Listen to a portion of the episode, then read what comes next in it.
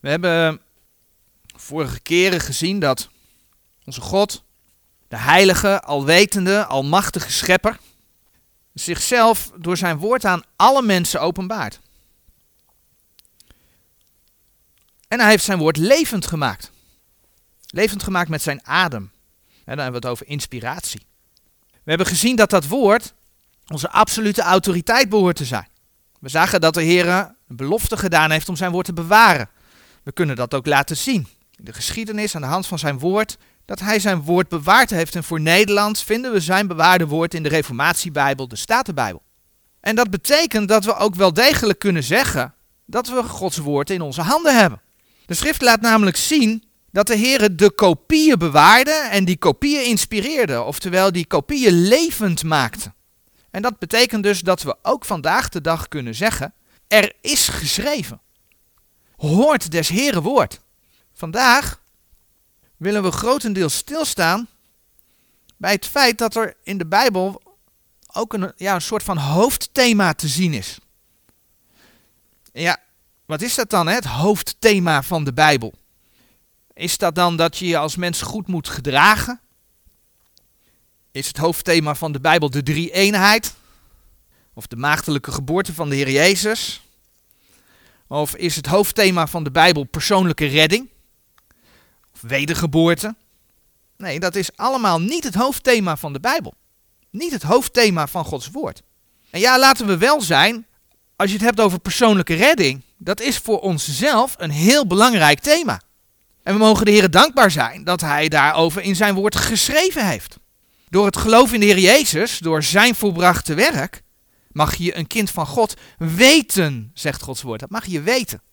Daardoor mag je zeker weten dat je behouden bent. Teksten die je daarbij op kunt zoeken, Johannes 1 vers 12 en Efeze 1 vers 13 en 14.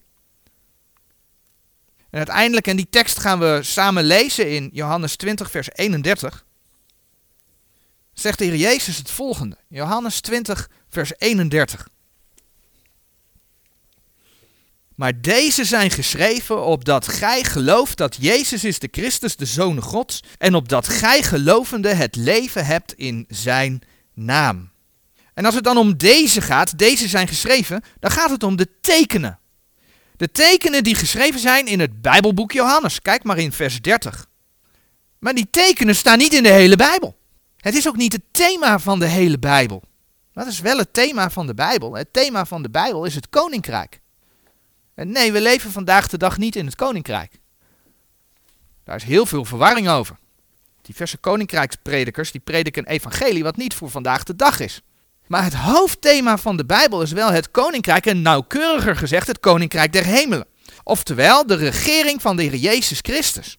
Misschien zeg je, ja, maar de koning zelf dan? Die koning hoort daarbij. Maar het koninkrijk zelf gaf de Heer al op aarde toen de koning nog niet op aarde was. Denk aan het koninkrijk Israël. Dus het hoofdthema is het koninkrijk en we gaan dat zo meteen zien. Dan gaan we allerlei versen zien en dan zie je dat het eigenlijk in alle Bijbelboeken draait om het koninkrijk. Bijna alle Bijbelboeken. En de hoofdpersoon, dat mag duidelijk zijn, is natuurlijk de koning van dat koninkrijk. Dat is Jezus Christus. Maar hoezo is dat hoofdthema dat koninkrijk? Nog voordat de mens geschapen is, en dan gaan we Jezaja 14 opzoeken. Nog voordat de mens geschapen is, zien we dat de duivel in opstand komt tegen God. Jezaja 14. En bij die opstand staat een troon centraal. Kijk maar in vers 12 en 13 van Jezaja 14. Jezaja 14 vers 12 en 13. Hoe zijt gij uit de hemel gevallen, o morgenster, gij zoon des dageraads? Hoe zijt gij ter aarde nedergehouden, gij die de heidenen krenkt en zeidet in uw hart, ik zal ten hemel opklimmen, ik zal mijn troon boven de sterren gods verhogen, en ik zal mij zetten op de berg der samenkomst aan de zijde van het noorden. De Satan had klaarblijkelijk een troon, en die troon wilde hij verheffen. Hij wilde God gelijk worden. Kijk maar in, in vers 14 van Jezaja 14. Dus daar zie je al voor de schepping gaat het om een troon. Het is de Satan die de macht wil hebben. Een door God geschapen wezen die in opstand komt tegen God en die de macht wil grijpen. Nou, wanneer we dan over de schepping gaan praten, en dan gaan we terug naar Genesis 1. Dan lezen we dat de Heere God de mens schept en dat die mens een opdracht meekrijgt. En wat is die opdracht? Die vinden we in Genesis 1, vers 28. Dat is een opdracht om over de aarde te heersen. Genesis 1, vers 28. En God zegende hen en God zeide tot hen, weest vruchtbaar en vermenigvuldigd en vervult de aarde en onderwerpt haar en hebt heerschappij over de vissen der zee en over het gevogelte des hemels en over al het gedierte dat op de aarde kruipt. Hebt heerschappij.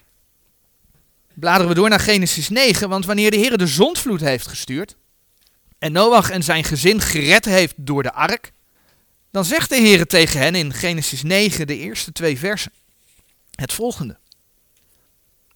En God zegende Noach en zijn zonen en hij zeide tot hen, zijt vruchtbaar en vermenigvuldigd en vervult de aarde. En uw lieder vrees en uw lieder verschrikking zij over al het gedierte der aarde en over al het gevogelte des hemels, in al wat zich op de aardbodem roert en in alle vissen der zee.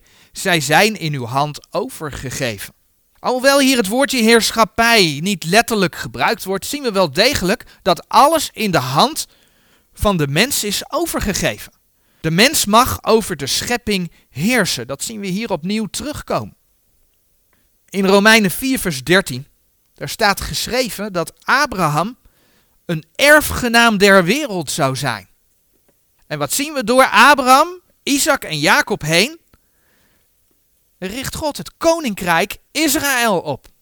En van Mozes, en dat vers zoeken we op, Deuteronomium 33, vers 5, staat geschreven dat hij een koning was.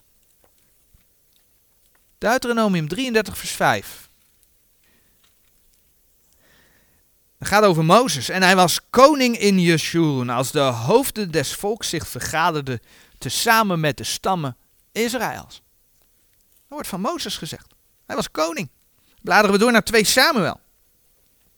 2 Samuel 7. Daar zien we dat de Heere met David een verbond sluit. 2 Samuel 7, vers 16. En in dat vers daar lezen we 2 Samuel 7 vers 16. Doch uw huis zal bestendig zijn en uw koninkrijk tot in eeuwigheid voor uw aangezicht. Uw stoel zal vast zijn tot in eeuwigheid. Dit ziet natuurlijk profetisch vooruit naar de Heer Jezus, naar de Messias. De geschiedenissen van de koningen van Israël nemen zes Bijbelboeken in het Oude Testament in beslag. En we zien in die geschiedenissen dat het volk niet luistert naar de Heere God. Het volk raakt in verval. Het volk wordt in ballingschap gevoerd. En wat roept de profeet Jeremia dan in, in klaagliederen? Klaagliederen 5, vers 16. De kroon onzes hoofds is afgevallen, o wee nu onzer dat wij zo gezondigd hebben. De kroon onzes hoofds is afgevallen. Ga je vervolgens de profeten lezen? dan lees je dat die profeten weer een koninkrijk aankondigen. Duizendjarig vrederijk. He, ook de dag des heren, grote verdrukking die eraan vooraf gaat. Maar uiteindelijk werkt dat toe naar het koninkrijk. Dat lees je in de profeten. En dan, bladeren we door naar Lucas, wordt de Messias aangekondigd. Lucas 1. Kijk wat de engel tegen Maria zegt over de geboorte van de Heer Jezus. En de aankondiging daarvan. Lucas 1, vanaf vers 30, 31. En zie, gij zult bevrucht worden en een zoon baren en zult zijn naam heten Jezus. Deze zal groot zijn en de zoon des Allerhoogste genaamd worden. En God de Heere zal hem de troon zijns vaders Davids geven. En hij zal over het huis Jacobs koning zijn in der eeuwigheid. En zijns koninkrijks zal geen einde zijn. Dus de Heer Jezus wordt aangekondigd en wat wordt er direct aangekondigd? Zijn koninkrijk. Hij zal heersen. En dan is de Heer Jezus geboren. En dan gaat hij het volk toespreken. Gaat hij het volk prediken. En wat predikt hij dan? Matthäus 4, vers 17. Matthäus 4, vers 17.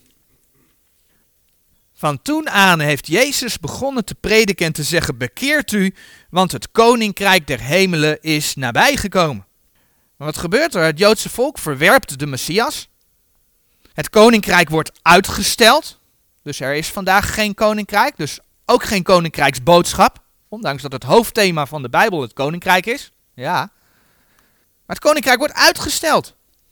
En dan weet ik, ik ga het noemen, ik ga het niet, niet behandelen, want dan gaat het veel te uitgebreid worden voor vanmorgen. Maar er zijn twee soorten koninkrijken. Je komt het koninkrijk der hemelen tegen en je komt het koninkrijk gods tegen.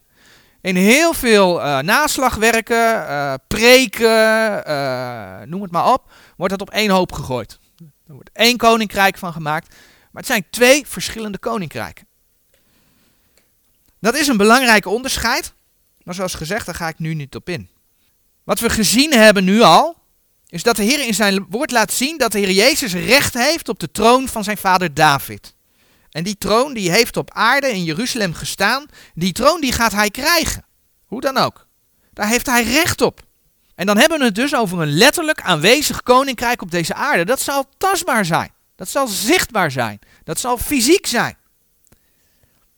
En dat tastbare koninkrijk, dat vindt zijn weerslag in het koninkrijk der hemelen. Waarom? Laat ik nu even buiten beschouwing. Maar zo laat de profeet Daniel zien, dan gaan we even terugbladeren. Tekst overigens die ik wel vaker aangehaald heb. Dat gaat over uh, de droom van Nebukadnezar. Over, over dat beeld. Waarin de wereldrijken naar voren komen. Dus dat is Daniel 2. Dan zien we allerlei wereldrijken elkaar opvolgen. En uiteindelijk wordt er een steen zonder handen afgehouden. Die alle aardse koninkrijken vermaalt. Dus het gaat weer over koninkrijken. En daaruit zal het koninkrijk van de Here ontstaan. En dan lezen we in Daniel 2, vers 44 en 45.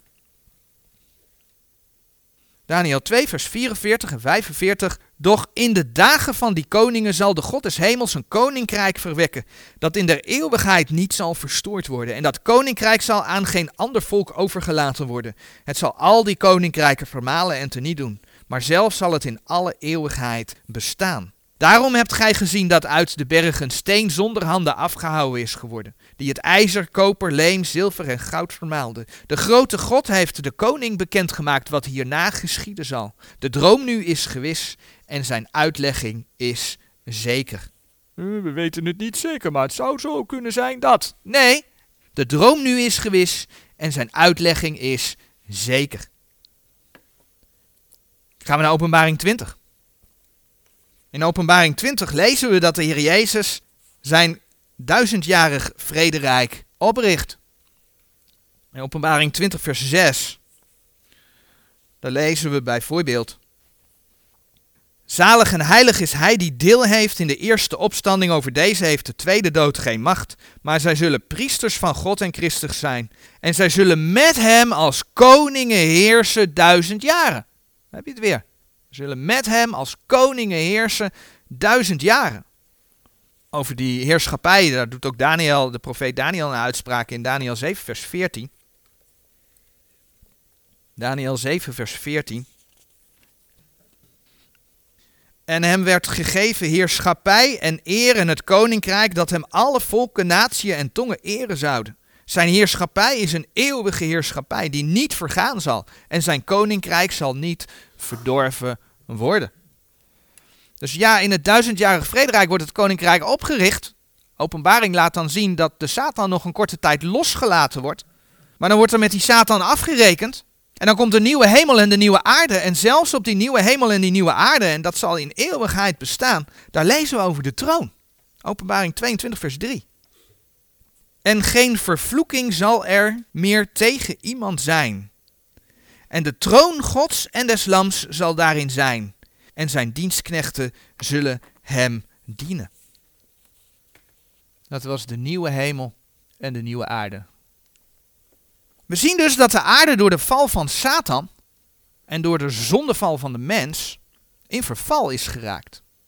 We zien zelfs dat er tijdelijk, en dat is dan 2 Korinthe 4 vers 4 onder andere, een andere heerser is. De duivel, de god van deze wereld. Niet dat die heerser buiten de Heer om kan. Nee, absoluut niet. Maar de Bijbel laat zien dat het wel de realiteit is. De Heer laat hem zelfs toe om korte tijd nagenoeg alle macht op aarde in handen te krijgen. Antichristelijk rijk. Maar uiteindelijk zal de Heer zelf regeren. Dat koninkrijk is er niet, maar het gaat wel komen. Hem zal alle eer toekomen. Alle eer die hij als de heilige, alwetende en almachtige schepper verdient. Als we daar Filippenzen 2 vers 9 tot en met 11 bij opzoeken, dan zien we ook waar dat naartoe gaat. Filippenzen 2 vers 9 tot en met 11. Daarom heeft hem ook God uitermate verhoogd en heeft hem een naam gegeven welke boven alle naam is. Opdat in de naam van Jezus zich zou buigen alle knie dergenen die in de hemel en die op de aarde en die onder de aarde zijn. En alle tong zou beleiden dat Jezus Christus de Heer is tot heerlijkheid Gods des Vaders. Maar als je dit alles op een rijtje zet, dan zie je dus dat de Heere God door zijn woord heen zijn plan, maar ook zijn doel duidelijk maakt. Ook voor de mens persoonlijk binnen dat alles. Als we daar nog Jezaja 9 vers 6 bij opzoeken.